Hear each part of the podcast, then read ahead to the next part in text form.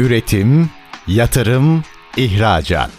Üreten Türkiye'nin radyosu Endüstri Radyo sizin bulunduğunuz her yerde. Endüstri Radyo'yu arabada, bilgisayarda ve cep telefonunuzdan her yerde dinleyebilirsiniz. Endüstri Radyo.com Edibe Yuca'nın hazırlayıp sunduğu Konuşan Yazılımlar programı başlıyor. ST Endüstri Radyo'dan ben Edibe Gider'in hazırlayıp sunduğu Konuşan Yazılımlar programına hoş geldiniz. Bugün bilişim dünyasının otoriter ve çok kıymetli hocalarından biriyle sizi bir araya getireceğim. Hızlı bir şekilde programa başlamak istiyorum. Çünkü sormak istediğim, merak ettiğim bilişim dünyasında değişen konuları hemen hızlıca size aktarmasını bekliyorum. Sayın İlker Tabak aramızda.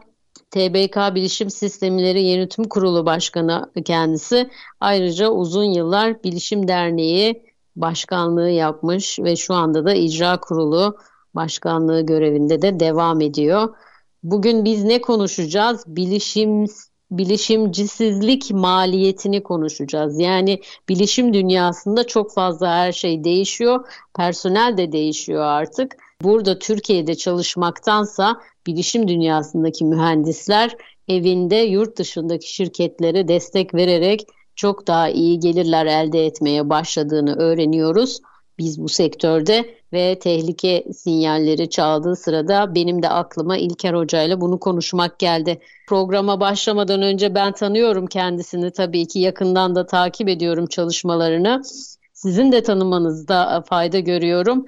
İlker Hocam hoş geldiniz. Nasılsınız? Umarım iyisinizdir. Hoş ben böyle çok hızlı başladım programa. Ne güzel ne güzel. Sizin enerjiniz bizi de canlandırıyor, güç veriyor. Teşekkür ederim davet ettiğiniz için programa. Ee, hoş bulduk. Güzel konulara evet, değineceğiz birlikte. Birinci bölümde biraz sizi tanıyalım hocam. Ben sizi çok seviyorum ve çalışmalarınız çok kıymetli bilişim dünyası için. Dinleyicilerimiz de e, sizi biraz tanısınlar bu ilk bölümde. Ne dersiniz? Söz size bıraksam biraz bahseder misiniz çalışmalarınızdan? Tabii ki, tabii ki. Belirttiğiniz gibi Türkiye Bilişim Derneği'nde başkanlık görevinde bulundum. 35 yılı aşkın bir meslek deneyimim var. Hacettepe Üniversitesi Bilgisayar Bilimleri Mühendisliği mezunuyum. 1987'de bitirdim orayı. 87'de bitirirken 7. kuşaktım. Türkiye'deki ilk kurulan bilgisayar mühendisliği bölümlerinden 77'de kurulmuştur bölümümüz. 81'de ilk mezunlarını verdi. Biz 7. kuşak olarak kendimizi tanımlıyoruz. Türkiye Bilişim Derneği ile de tanışmam yine aynı yıl oldu. Dernek üyesi de oldum. Yani meslek yaşamım boyunca da Türkiye Bilişim Derneği'nde üye olarak da yer aldım.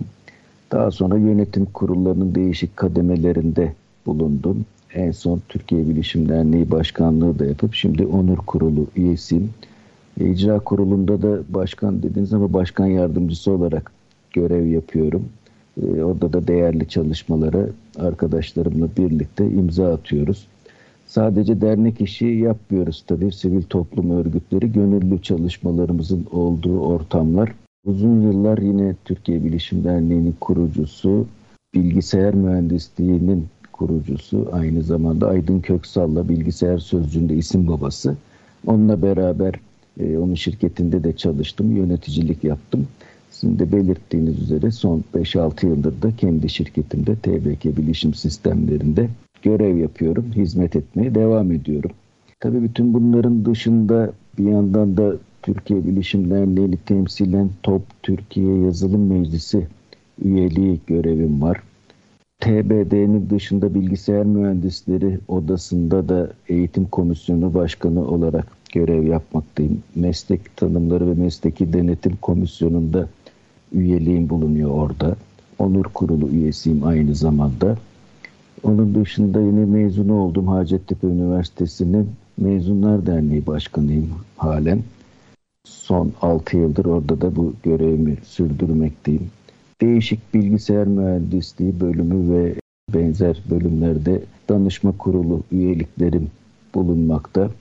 Ankara Ticaret Odası'nda da Bilişim Teknolojileri Meslek Komitesi üyeliğine Kasım ayında ki seçimle birlikte katıldım. Bir yandan da işte arada da iş yapıyoruz, hizmet etmeye çalışıyoruz sektörümüze, ülkemize. bu tür çalışmalar içinde yer alıyoruz. Soruyorlar eve ne zaman gidiyorsun diye Allah'tan hani bu uzaktan çalışma işleri vesaire yaygınlaştı da evde de bulunabiliyoruz bu vesileyle. Siz de belirttiniz zaten bir yandan ülkedeki gidişat, dünyadaki gidişat bu uzaktan çalışmaların da yaygınlaşmasıyla birlikte yazılımcıları, bilişimcileri uzaktan da çalışır hale getirdi. E ben de benzer şekilde bu olanaklardan yararlanıyorum. Gerek sivil toplum örgütü çalışmalarında, gerekse e, şirket çalışmalarında yine olabildiğince bu uzak bağlantıları değerlendiriyoruz. Böyle yani özetle kendimden bu şekilde bahsedebilirim. Çok teşekkürler. Gerçekten çok kısa kısa geçtiniz ama ben biliyorum derinliğine baktığımızda çok önemli projelere ve önemli farkındalık konularına imza attığınızı biliyorum. Mutlaka LinkedIn'den ve sizin sitenizden yaptığınız çalışmaları dinleyicilerimiz de takip etmesini öneriyorum. Peki hocam bu bilişimcisizlik maliyeti e, bize nelere mal olacak? Yani COBİ'ler bilişim dünyasında personel bulmakta zorluk mu çekecekler? E, neler olacak burada? Neleri öngörüyorsunuz? Biraz kısa bir giriş yaparak başlayalım mı bu noktada? Evet, teşekkür ederim. Şöyle aslında bilişimcisizlik maliyetine gelmeden önce bundan 20 yıl öncesine gitmekte yarar var. Biz 2002 yılında Türkiye Bilişim Derneği, TÜBİSAT, YASAT ve Zeka Vakfı ile birlikte organize ettiğimiz Türkiye Bilişim Şurası öncesinde bilişimsizlik maliyeti diye bir kavram attık ortaya. Çünkü ülkeyi yönetenlerin, işte kurumların, firmaların dikkatini çekmek için özellikle de bu bilişim alanında yapacakları yatırımlara önem vermelerini, öncelik vermelerini sağlamak için dedik ki bir bunları yapmazsanız bir maliyet var önümüzde. Nedir bu maliyetin tanımı? Bilişimsizlik maliyeti adını verdiğimiz şey bilişim sistemlerini kullanmıyorsanız, yanlış ya da eksik kullanıyorsanız katlanmak zorunda olduğunuz bir maliyetten söz ediyoruz. Yani işte internetin de ucuzlaması ve yaygınlaşmasıyla birlikte bu kullanım arttı. Artmasaydı ne olurdu? Bunu bireysel olarak da yaşayabiliriz. Bir bankacılık işlemini oturduğunuz yerden, telefonunuzdan, bilgisayardan yapabiliyorsanız bugün bankaya gitmeden bankaya git gel süresi ya da o gidiş gelişte harcayacağınız yol gideri cebinizde kalıyor. Böylece bir bilişimsizlik maliyeti yaşamıyorsunuz. En basit anlamıyla böyle özetleyebiliriz. Biz bunu gündeme getirdikten sonra bilişim şurasında devletin de dikkatini çekti ve biz tutar da paylaştık. Biz maliyet deyince hani bir karşılığı olması beklenir. Dedik ki devletin 100 milyar dolar yıllık kaybı var. Nasıl yani dedi ekonomistler özellikle hani ne yapıyorsunuz siz böyle bir hesabı nereden buldunuz? Ya dedik yanılalım yüzde yüz hesap yaparken 50 milyar dolar olsun bir daha yanılsak 25 milyar dolar olsun. Nedir elinizdeki veri bilgi diye sorduklarında bu hesabı oluşturmak üzere kullandığınız o dönem SSK hastanelerinin, eczanelerinin sadece otomasyona geçmesiyle devlet 4,5 milyar dolar tasarruf sağladığını açıkladı. Yani düşünün aynı ilacı 10 kişiye, 9 kişiye satılmış gibi, kullanılmış gibi çıkışlar yapılıp devletten parası alındığı bir dönemden bahsediyoruz. Bunun önüne geçince devletin kasasında kalan bir yüklü miktarda para. Bu tabi otoritelerin de dikkatini çekti bu hesap ve bu bilişim yatırımları işte bugün alışık olduğumuz bir takım uygulamalar, TC kimlik numarasının yaygınlaşması vesaire bankaların bu işlere biraz daha el atması gibi günlük hayatta karşımıza çıkan uygulamaların yaygınlaşmasının bir vesilesi oldu. Yaygınlaşmasaydı ne olurdu? Hala işte elektrik su parası yatırmak için veznelerin peşine gidip kuyruklarda zaman kaybedecektik. Hala işte bir takım otobüslere, trenlere, tramvaylara binmek için, metroya binmek için e, gidip bilet alacaktık. Bileti verecektik vesaire. Şimdi o kadar yaygınlaştı ki işte kredi kartınızda bile e, büyük şehirlerde yaygın olarak var. Otobüse binebiliyorsunuz. metroya binebiliyorsunuz ya da internet üzerinden alışveriş yapıyoruz ki yararlarını ne zaman gördük? 3 sene önce kapımızı çalan bu salgınla birlikte eve kapandığımız dönemde her şeyi uzaktan yapmaya da başladık. Bu altyapılar sayesinde eğitimde, sağlıkta, alışverişte, iş yapmada hatta uzaktan yaşama biz uzaktan eğitim sistemleri verelim diye kurumlara gittiğimizde kimse ilgilenmiyordu. Şimdi herkes birden fazla araçla uzaktan çalışma, uzaktan bağlantılı işler, uzaktan eğitim gibi konulara hızla alıştı. Yani bu bayramlaşmaların bile uzaktan yapılabilmesinin sonucunu doğurdu günün sonunda. Doğal olarak iş yapış biçimlerine de yansıdı. Bir dönüşüm yaşadık. Dönüşümü yaşarken de o kadar yani 10 yılda olması gereken şeyler beklenti o yöndeyken 1-2 yıl içinde gerçekleşti bu hızlı dönüşüm. Bizim bu bilişimsizlik maliyeti diye ortaya attığımız kavram 20 yılda gelişe gelişe zaten bu altyapıları hazırlamıştı. E, bir takım böyle e, Covid-19 salgını gibi keşke salgın olmasaydı geç olsaydı canları kaybetmeseydik bu arada. Onunla hızlandı. Tabii bunun sonucunda da iş yapış biçimi değişti dedik ya. Özellikle bizim sektörde bilgisayarla, bilişimle, yazılımla ilgili çalışanlar uzaktan çalışarak da işlerini yapabileceklerini çok net olarak biz biliyorduk da başkalarının da anlamasını sağladı ve ortaya çıktı. Bu tabii bir fırsat da doğurdu. Bu sefer yurt dışına da çalışabilmeyi getirdi arkasından. Yurt dışına ya da başka ülkelere oturduğu yerden çalışabilmenin sonucunda e, dediler döviz kuru oynadı maliyetleri karşılayamıyoruz o yüzden gidiyor elemanlar. O yüzden iş gücü kaybediyoruz. Güzel bu bir gerekçe olabilir. Ama terazinin diğer tarafından bakmakta yarar var bu konuya. Nedir bu? Peki biz çalışanın karşılığını yurt dışında çalıştığı için Türkiye'de veremediğimizden dolayı onun ayrılmasını bir şekilde engelleyemiyorsak o zaman gelirimizi arttırmamız lazım.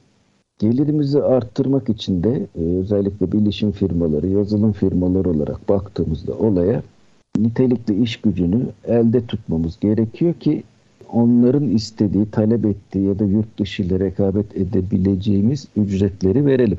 Bunun üzerine bizim bu geliri arttırmak üzere müşterilerimize, bu yüzlerden bu hizmeti, ürünü alanlara bir uyarı yapmamız gerektiği ortaya çıktı.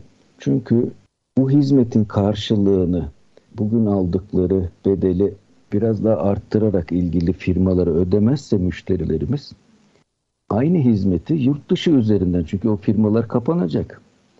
Böyle giderse eleman kalmayacak. Bu sefer yurt dışı firmalar üzerine yine aynı elemanlarla, aynı uzmanlarla satın almak zorunda kalacak. Bugün işte örneğin 1 liraya aldığı hizmeti 3 lira yapmazsa yarın öbür gün 10 liraya bu hizmeti almak zorunda kalır ki aradaki fark da o bilişimcisizlik maliyeti dediğimiz bir maliyet olur. Onu şimdilik ölçemiyoruz ama başımıza geldiğinde anlayacağız. Bu uyarı görevimi yapmakta biz bilişimcilerin de bir sorumluluğudur deyip bu fırsatı verdiğiniz için de teşekkür ediyorum. Nitelikli eleman ihtiyacımız artacak. Her sektörde olduğu gibi bilişim dünyasında da nitelikli personel konusunda ciddi sorunlar yaşanacağını ben de çalıştığım şirkette bunu çok net bir şekilde öngörüyorum.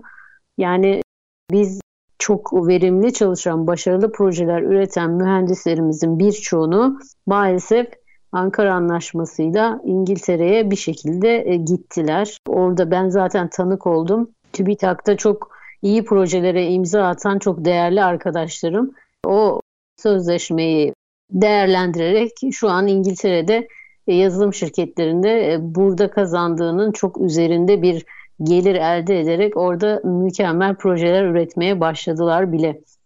Bunu birebir kendi hayatından tanık oldum ve oradan biliyorum. Ve bizim daha bilmediğimiz çok fazla şey hızlı bir şekilde değişiyor.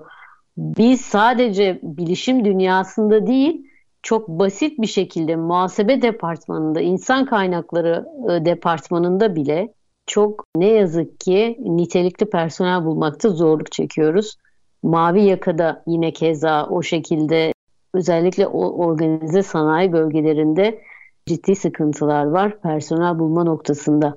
Bizim bununla ilgili maliyetlerimiz gün geçtikçe artacak ve bununla ilgili hükümetin aldığı bir önlem var mı acaba? Bu 11. kalkınma planı kapsamında da e, yer aldığı üzere bir ülkemizin diyor bilişimdeki rekabet gücünü arttırıcı önlemler alınsın alınmalı diye bir madde geçiyor. TOP Türkiye Yazılım Meclisi ile Sanayi ve Teknoloji Bakanlığı öncülüğünde biz Türkiye'deki yazılım envanteri çalışmasını başlattık.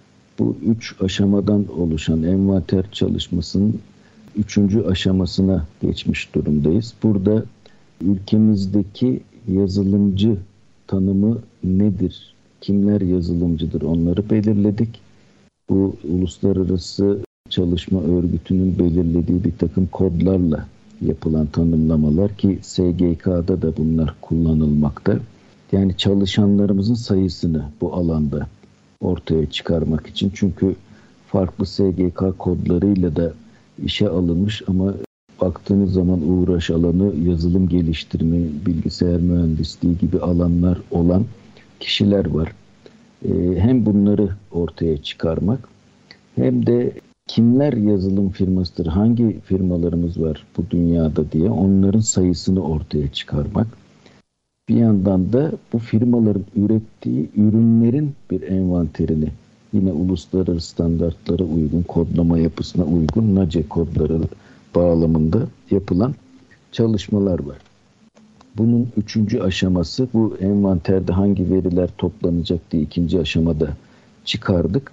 Üçüncü aşama olarak da e, bunun altyapısının hazırlanması ve sektörden verilerin toplanması aşaması olacak. Bunun süreci ilerliyor. Tabii ölçemediğiniz şeyi yönetemezsiniz mantığıyla da baktığımızda bu önemli bir çalışma. E, bunun sonucunda çünkü hangi alanda eksiğimiz var yazılımcı anlamında da olabilir, ürün anlamında da olabilir ortaya çıkacak.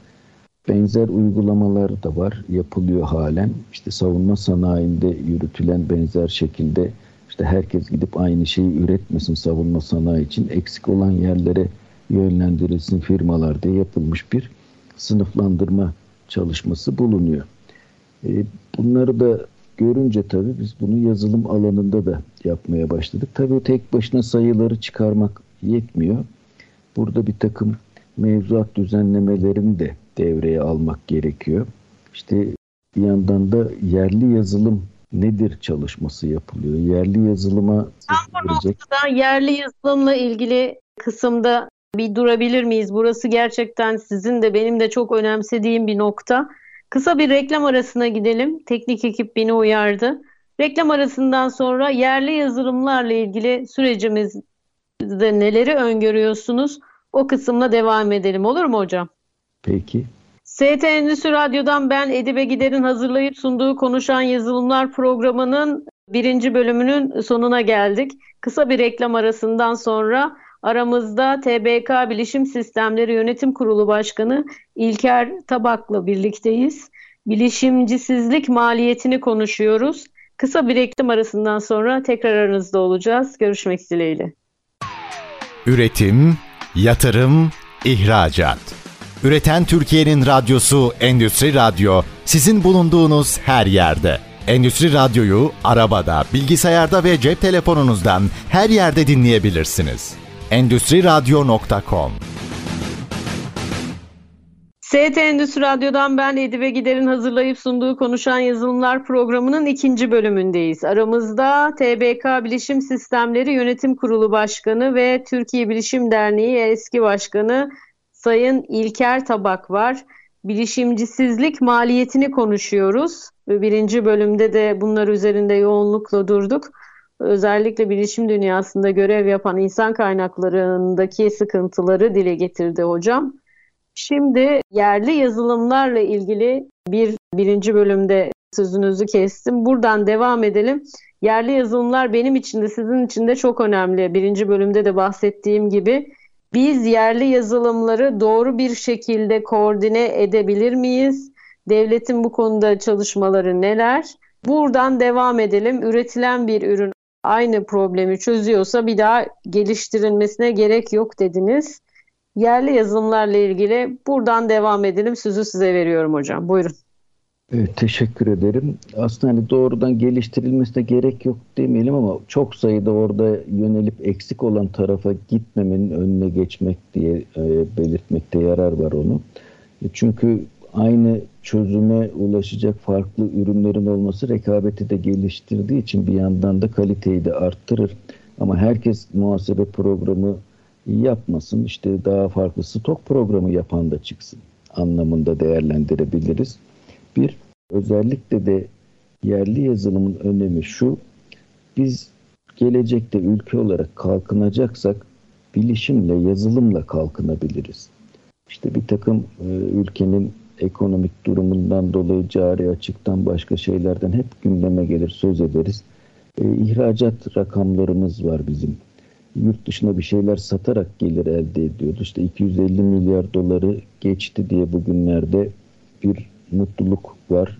Ama biz sırf yazılım için bile 2023 hedefini 500 milyar dolar diye öngörmüştük. 160 milyar dolar dedik. Yazılım tarafını 500 milyarın üzerinde de ülkenin genel ihracat rakamı konuşuluyordu.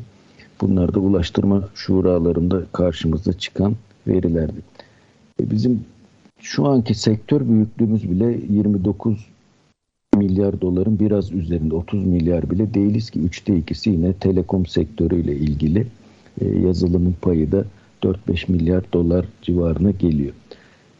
Yerlinin önemi şu e, ithalat ihracat hep kilogramla yapılıyor. Birim fiyatı var. Kilogram fiyatıdır. E, işte 1,59 e, dolarlardan 1,30 dolarlara inmişti. Bugünlerde de 1 dolar seviyesinde bizim ihracat kilogram birim fiyatımız.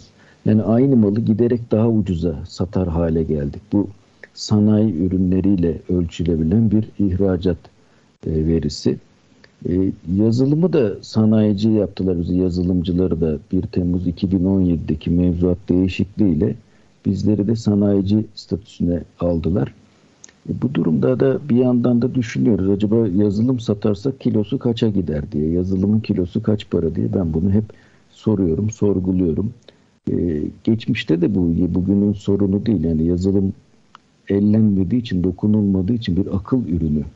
Ee, yazılım elleyen var mı diye dinleyenlere de sormak lazım. Ee, gerçekten bu ellenmeyen, gözde görünmeyen ama bir akıl ürünü olan bu yazılımın yerlisi şundan önemli. Kendi kullanmadığımız bir şeyi dışarıya satmamız çok zor kendi ülkemizde öncelikle kullanacağız ki biz bunu referans gösterelim ve yurt dışındaki pazarda bununla ilişkin bir pay bulalım. Aksi takdirde bizim sektör büyüklüğümüz böyle 30 milyar dolarlarda kalır. Yani unicorn denilen bir milyar dolarlık yazılım firmalarının da peşinde koşuyoruz. Buna ilişkin oyun firmaları öncülük ediyor değerleme olarak. Birkaç tane oldu, 5-6 taneyi bulduk. E, isteriz ki daha fazla çıksın. E, birçok büyük boyutlu yazılım firması dünya ölçeğindekiler ülkemizin toplam gelirinin katlayacak gelirler elde ediyorlar. Demek ki teknolojide, yazılımda bir gelecek var. Buraya yatırım yapmak gerekiyor. E bunu da dışarıdakini alıp kullanan ve tüketen boyutuyla yer almadan eğer biz bunları üreten, dışarıya satan moda geçersek o zaman buradan elde edilecek katma değerle, gelirle kalkınabiliriz. Topyekun kalkınırız. Tabi tek başına e, yazılımı satarak değil, e, bu yazılımların kullanıldığı işletmelerde, kopillerimizde de verimliliği arttırdığını düşünürsek sektörün tek başına olan büyüklüğünün e, aslında çarpan etkisi belki daha fazla olacak kullanımdan dolayı, diğer sektörlere olan etkisinden dolayı. Böyle değerlendirmek gerekir. E, çünkü aslında insan gücümüz var bir yandan hani bilişimcisizlik maliyetinden bu noktalara geldik. Bunu da değerlendirirken bakın ülkemizdeki bilgisayar mühendisliği bölüm sayısı o kadar çok ki 158 tane bölüm var. Yani 209 üniversitenin 158'inde bilgisayar mühendisliği var. 56 tane yazılım mühendisliği bölümümüz var. 9 bilişim sistemleri mühendisliği, 4 tane yapay zeka mühendisliği bölümü var. Diğer alanlarda da oyun tasarımı, elektrik elektronik mühendisliği, endüstri mühendisliği gibi bizim sektörle iç içe olan alanları da hesaba kattığımızda e, toplam kontenjan sayısı 45.800 civarında. Yani her yıl 45 bin öğrenci kabul ediliyor. E bunların 4 ile çarpın demek ki neredeyse işte 180 bin öğrenci bilişimle ilgili bölümlerde okuyor. E bunun aşağı yukarı 60-65 bin kadar da bilgisayar mühendisliği alanındaki öğrencilerin sayısı. Yani bunların beşte biri mezun olsa her yıl yani 40 bin 50 bin yeni bilişimci katılıyor aramıza. Bunlara iş olanağı da yaratmak gerekir. Ee, bir yandan da yurt dışına gitmelerine engel olabilir miyiz? Bir dereceye kadar oluruz ama her tarafta niteliği arttırırsak bu kayıplar bizim için sorun olmaz. Nitelik problemi karşımıza çıkıyor. İşte yerli yazılımı da yine bu iş gücü eliyle üreteceğimiz için bunların e, bir şekilde ülkede kalması, bu e, teknoloji üretimine katkıda bulunmasının önünün açılması önem kazanıyor. Bunun için de bir takım önlemler alınmaya çalışılıyor. Beyin göçüyle ilgili çalıştaylar da yaptık. Raporlar da hazırlıyoruz. Başka kurumlar da benzer çalışmalar içinde. Günün sonunda baktığınızda bütün bu üretimler bir ARGE faaliyeti olarak işte ARGE merkezleri, tasarım merkezleri ve teknoloji geliştirme bölgelerindeki firmalar eliyle yapılıyor gibi gözüküyor ama yazılım geliştirmenin tamamı bir ARGE'dir bence. Mekandan bağımsız olmalı. Teknoparklara kapatmamak gerekir. Zaten son düzenlemeyle de %100 uzaktan çalışma olanağı da çıktı. Sadece adresiniz var oralarda. Belli metrekareye de kirayı verdiğiniz zaman hiçbir elemanınız oraya uğramasa da teşviklerden yararlanıyorsunuz. Bunlar arayışlar. E, bunların tabii oturması zaman içinde olacaktır.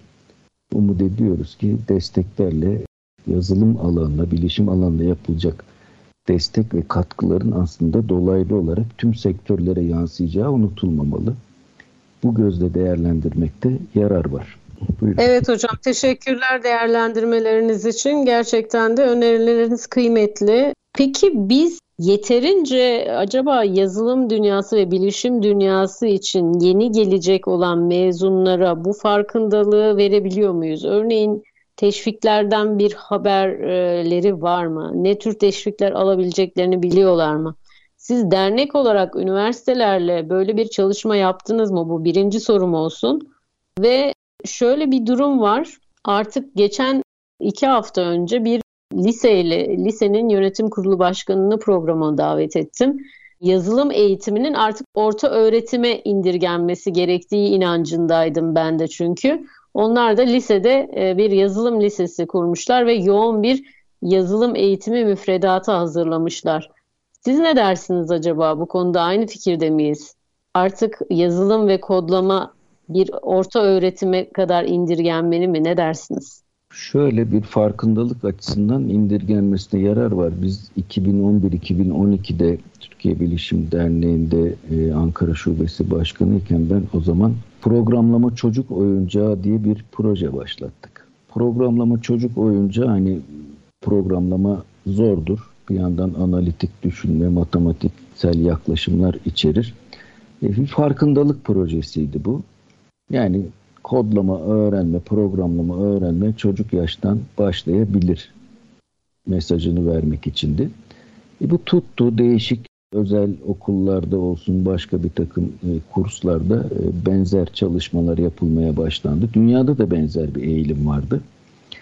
Tamamen analitik düşünme altyapısını çocuklara kazandırmak e, bir kodlama nedir ne değildir hani yazılım ellediniz mi sorusu var ya bir şekilde o ellenmeyen, dokunulmayan ama akıl ürünü olan yazılımı geliştirebilmek için bir ortam yaratmak, farkındalık oluşturmaktı. Bu tabi daha sonra Milli Eğitim Bakanlığı'nın da ders programları arasında yerini aldı. E, liselerde ve ortaokullarda seçmeli dersler şeklinde bulundu. Haftalık ders saatlerinin sayısı Zaman zaman arttırıldı, azaltıldı ama var. Tabii yazılım lisesi de bu amaçla özel olarak kurulmuş bir okul. Sonuçta bir akıl ürünü.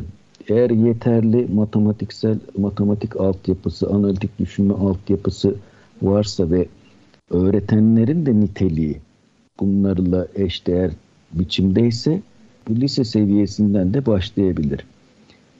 Şöyle e, mühendislik boyutunda iş değişiyor. Farklı boyuta çıkıyor tabii. Yani okuma, yazma öğretmek gibi düşünebiliriz. Okuma yazmayı öğretirsiniz ilkokulda.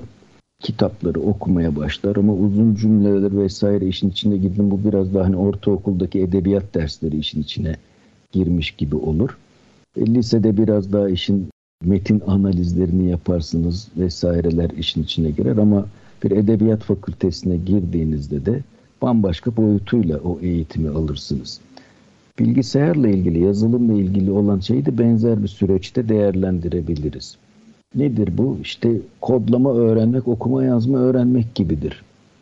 Bilirsiniz ufak tefek şeyleri yaparsınız ama işin mühendisliğe giden sürecine baktığınızda da mühendislik boyutunda yazılım mühendisliği, bilgisayar mühendisliği olabilir.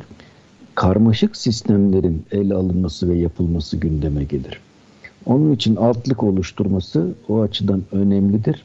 Tek başına yetmeyebilir ama niteliği arttırıcı bir itici güç olarak ortaokulda, lisede verilecek eğitimler üniversitedeki anlama, kavrama ve hızlı adapte olma için yararlı olacaktır. Yoksa hani ne bileyim bir duvarcı ustasıyla hani inşaat mühendisi ayrımına kadar da benzer örnekler verilebilir bu alanda. Ee, bunlar için önemli olan bu farkındalığı, birikimi görüp ilerlemek. Tabi bu öğrencilerin kimlerden eğitim aldığı da önemli. Bakın üniversite düzeyindeki bu saydığımız bölümlerde yüzde 41'inde profesör yok şu anda. Yani neredeyse işte bakın beşte ikisi profesörsüz bir bölümlerden bahsediyoruz. Akademisyen de yetiştirmemiz gerekiyor. Tek başına öğrenci yetiştirmekle olmuyor bu işler. Akademisyen de yetiştirmekte yarar var. E, çünkü piyasa cazip geliyor. Üniversite ortamında kalmak istemiyor gençler artık. Bunu akademik taraftaki araştırmalarda görüyoruz. E, biz zaten bu konulardaki teşvikler vesaire konusunda yine üniversitedeki hocalarımızla birlikte çalışıyoruz. Özellikle Türkiye Bilişim Derneği İcra Kurulu'nun çalışmaları arasında bu tür konuları gündeme getirerek ele almak da var. Evet hocam. Evet. Yine hızlı geçti program. Tekrar reklam arası vermemiz gerekiyormuş. Üçüncü bölümde tekrar devam ederiz hocam kalan yerden. ST Endüstri Radyo'dan ben Edibe Gider'in hazırlayıp sunduğu Konuşan Yazılımlar programının ikinci bölümünün sonuna geldik. Aramızda TBK Bilişim Sistemleri Yönetim Kurulu Başkanı İlker Tabak var. Bilişimcisizlik maliyeti üzerine sohbet geliştirdik. Bu haftaki akışımız bu şekilde. Kısa bir reklam arasından sonra tekrar görüşmek dileğiyle. Üretim, yatırım, ihracat. Üreten Türkiye'nin radyosu Endüstri Radyo sizin bulunduğunuz her yerde. Endüstri Radyo'yu arabada, bilgisayarda ve cep telefonunuzdan her yerde dinleyebilirsiniz. Endüstri Radyo.com ST Endüstri Radyo'dan ben Edibe Gider'in hazırlayıp sunduğu Konuşan Yazılımlar programının 3. bölümündeyiz. Aramızda TBK Bileşim Sistemleri e, Yönetim Kurulu Başkanı İlker Tabak var. Ayrıca Bilişim Derneği eski başkanı ve icra kurulu başkan yardımcısı kendisi. Bilişim dünyasında otorite dediğimiz kişilerden değerli bir hocadır ve bu alanda danışmanlıkları vardır. Peki e, biz e, bilişimcisizlik maliyeti ile ilgili bir akış hazırladık. Bu son bölümde şöyle bir şey yapalım istiyorum hocam. Bizi genelde iş dünyasında kobiler ve işverenler, küçük işletmelerde çalışan yöneticiler dinliyorlar. Onlara öneriniz ne olur? Yani biz bu maliyeti katlanmadan hızlı bir şekilde önlem almak gerekirse neler yapabiliriz ve hangi alanlarda önlem alalım? Ne dersiniz hocam? En dikkat etmemiz gereken en acil konu nedir bu sizce? Şimdi aslında bakarsanız sonunda bir bilişim sistemini kullanıyor olmak, yazılımı, donanımıyla, altyapısıyla üç unsurdan oluşur. Yani sonuçta bir işletme vardır. Bu sistem vardır. Bir de bu sistemi kullanan insanlar var. Çalışanlar, yöneticiler, işte mavi yakalılar, beyaz yakalılar e, hiç fark etmiyor. Sonuçta bu sistemin kullanımı sırasında dikkat edilmesi gereken noktalar var. Nedir bu noktalar? Bir yandan siber güvenlikten söz ediyoruz. Siber güvenilir kullanıcı kavramını ortaya attık. Zamanında e, ve kullanıcıların bilinçlenmesi gerektiğinden yola çıkarak bir takım önlem noktalarını paylaştık. Eğer bir siber saldırıya maruz kalırsanız, siber saldırıya uğrarsanız kurum üzerindeki etkileri ölçülmüş durumda bunların. Neler olabilir diye bakıldığında %32 oranında operasyonel aksama söz konusu oluyor.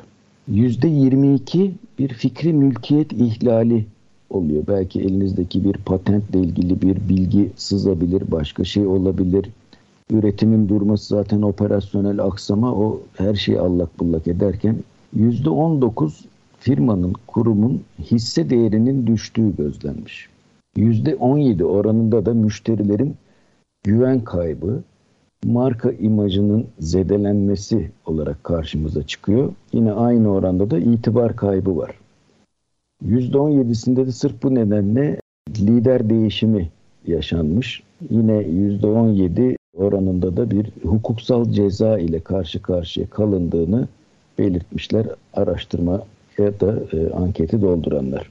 Bilişimcisizlik maliyetinden söz ettik bir yandan. Tabii bu tür altyapılardaki eksiklikler, zayıflıklar üzerine insan kaynağının elde tutulması da olumsuz etkilenmiş durumda. İnsan kaynağının tutundurma üzerindeki etkisi de yüzde on altı. Bakın gelir kaybı yüzde on dört alt sıralarda geliyor. Yüzde on dört oranında da bir e, gelir kaybına uğramış diye bilgi gelmiş. Şimdi siber tehditlerin ele alınması çok önemli. Yani burada değişik unsurlar var. Bir takım yemleme var, kötü amaçlı yazılımların, fidye yazılımların kullanılması, işte üçüncü parti ya da iş ortağı tedarik zincirindeki kontrollerin eksikliğinden kaynaklanan çalışanların iyi niyetli hareketlerin olumsuz sonuçlanması da bu grupta yer alıyor. Bir siber güvenilir kullanıcı kavramını ortaya attığımızda bunun karşılığında bunun önüne nasıl geçilir diye 30-32 maddelik bir kurallar listesi ya da dikkat edilmesi konular listesi çıkardık. E, bu konuda eğitimlerimiz de oluyor. Farkındalık yaratmak üzere bilinçlendirme çalışmaları da oluyor. Sadece hani hocam, tam, güvenlikle hocam, ilgili değil. Buyurun. da bir şey sorabilir miyim? Ee, yani siz burada bayağı bir istatistikler verdiniz ve ben şu istatistikleri verince aklıma şu geldi. Biz Türkiye'de ülke olarak dijital olgunluk seviyesinde hangi aşamadayız? Bir istatistik yapıyor olsanız Bilişim Derneği olarak mutlaka size bazı veriler geliyordur. Dijital olgunluk seviyemiz hangi aşamada acaba? Siber güvenliği geçtim. Yani siber güvenlik gerçekten hani artık firmalar değil bireysel olarak bizim de tehlikeli olduğumuz yani her şeyimizi akıllı telefonlarla yapıyoruz. Bizim de artık önlem almamız gereken bir konu. Bu konuda neler yapmalı? Hükümet bu konuda önlemler alıyor mu? Şöyle, ne öneriyorsunuz e, firmalara ve bireylere? Yine Türkiye Bilişim Derneği olarak Dijital Dönüşüm Ofisi ile birlikte bir Türkiye'nin dijital endeksi çalışmasını başlattık. Onunla ilgili bir takım parametreler, işte bu endekse esas olacak veriler, dünya neler yapıyor, hangi tür ölçümler var, Türkiye'deki toplanan veriler nelerdir diye, diye bir sınıflandırmasını da çıkardık. Çalışma sürüyor. E, bu yıl içinde büyük bir olasılıkla ilk e, sonuçlarını yayınlayacağız. Bununla ilgili akademiden de destek alınıyor. Daha önceki sorumuza da yanıt olsun. Hani akademisyenlerle de işbirliği içinde yaptığımız bir çalışma. Burada özel sektör tarafından bir takım değerlendirme yapan kurumlar tarafından da yapılan bir olgunluk seviyesi araştırması da yapıldı. Onu da Türkiye Bilişim Vakfı yaptı. Türkiye Bilişim Vakfı'nın da kurucuları arasındayım. Bu vakfımızın eliyle yapılan çalışmada e, şöyle bir veri çıkmıştı. Yani dijital olgunluk endeksinde 100 üzerinden puanlama yapıldı. 80 üzerinde olan kurumlar da çıktı. Bankalar ağırlıklı ama 40 ve altında olan yerler de çıktı. Her 10 puanlık iyileştirmede karlılıkta, net karlılıkta %2'lik bir artış olacağı öngörülmüştü hesaplamalarda. Bu da dijital olgunluk seviyesini kurumlar, firmalar, kobilerimiz boyutu ne olursa olsun arttırdığı anda aslında yapılacak yatırımdır. Bir çeşit gider olarak görülmemeli bu alandaki çalışmalara. Geri dönüşü de yüksek oranda oluyor. Çünkü sadece karlılık artışı diye de görmemek lazım. Bakın çalışan kaybının bile önüne geçebiliyor bu tür şeyler.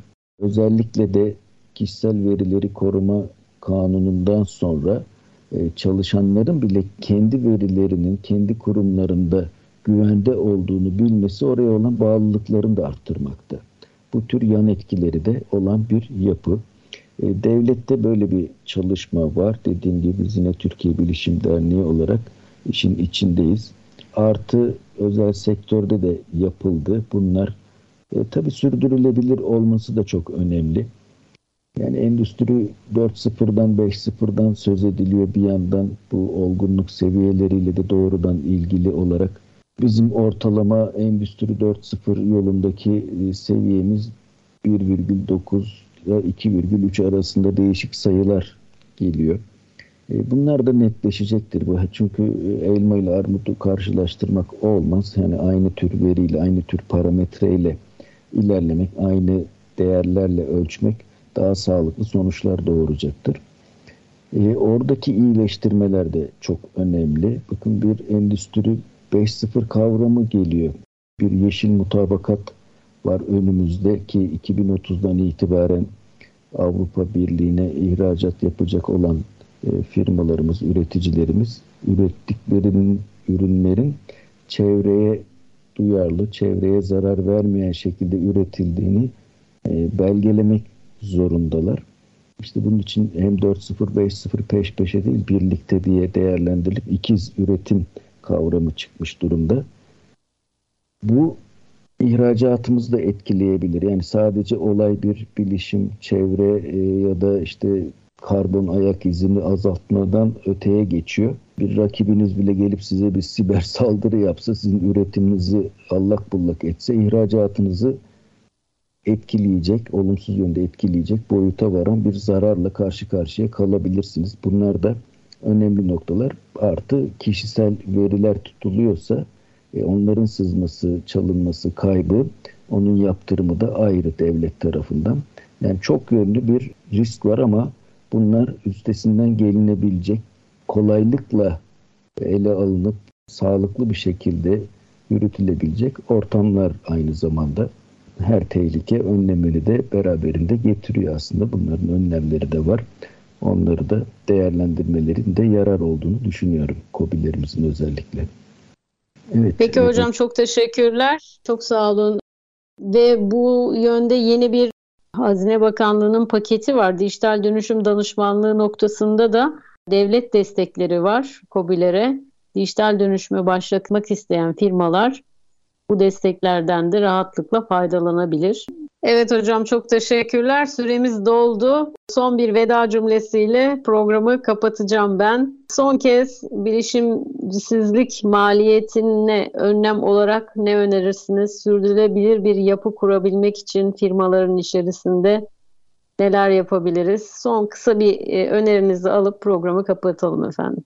Evet, teşekkür ederim. Öncelikle tekrar böyle bir fırsatı verdiğiniz için gerçekten nitelikli iş gücünü elimizde tutmak istiyorsak bunun bu hizmeti aldığımız yerlerdeki firmaları ayakta kalması için, hayatta kalması için bu bir fedakarlık diye görülmemeli. Çünkü astarı yüzünden pahalıya gelebilir aksi takdirde. E, gerekli önlemleri el birliğiyle almaktan kaçınmayalım. Sonuçta bütün işletmelerimiz, bütün kurumlarımız milli servetimizdir hepsinin ayakta kalması çok önemlidir. Eğer biz bu yerli kurum ve kuruluşlarımızı, e, buradaki insan gücümüzü, kendi evlatlarımızı elimizde, ayağımızda tutamazsak e, yanımızda tutamazsak inanın bu sefer dışarıdan aynı hizmeti alır hale geleceğiz. Teşekkür ediyorum. Evet çok teşekkürler. Tabii ki tercihimiz o yönde değil. Biz istiyoruz ki burada benim amacım da bu, bu programın amacı da bu konuşan yazılımlar programı. Biz yazılımları konuşturalım, yazılımların ihracatını yapalım ve buradaki açığımız kapansın niyeti içerisindeyiz. Buna yönelik çalışmalar da yapıyoruz biz. Bütün yazılım şirketleriyle yaklaşık 57 tane yazılım şirketiyle onların ihracatını yurt dışına yapmak için yoğun bir şekilde bir kendimize bir hedef koyduk. Bunları yapmak ve yurt dışına pazarlama noktasında elimizden ne gerekiyorsa yapmak istiyoruz. O niyet içerisindeyiz. Biz yazılımcılarımızı mutlaka yazılım çözümlerini iyi bilelim, iyi değerlendirelim ve kendi ihtiyacımız olan doğru yazılımda iyi seçelim, firmamız için doğru yatırım yapalım. Dediğim gibi teşvikler de var. İlker Hocam da bahsetti. Buna yönelik devlet teşviklerini de yakından takip etmenizi biz öneriyoruz. Hocam çok teşekkür ediyorum. Değerli vaktinizi ayırdınız bize. Bugün yanımda oldunuz. Verdiğiniz bilgi ve öneriler çok kıymetli. Sizin engin deneyimleriniz ve tecrübeleriniz bizim için değerli. Umarım başka platformlarda da bir araya geliriz ve bu dert ettiğimiz konular üzerinde birlikte işbirliği içerisinde çalışmalar yürütürüz. Ben gönüllü olarak sizin derneğinizde de her türlü çalışmaya varım diyorum kapanışa gelirken. Tekrar teşekkür ediyorum. Ben Edibe Gider, Konuşan Yazılımlar programının bu haftada sonuna geldik. Aramızda İlker Tabak vardı, TBK Bilişim Sistemleri ve Türkiye Bilişim Derneği eski başkanı ve şu an icra kurulu başkanı kendisi. Bilişimcisizlik maliyetini konuştuk. Bu programı kaçırdıysanız ST Endüstri Radyo podcast kayıtlarından tekrar dinleyebilirsiniz. Haftaya görüşmek dileğiyle yazılımlarınızı konuşturmaktan kendinizi alıkoymayın. Bırakın onlar çalışsın siz dinlenin. Hoşçakalın.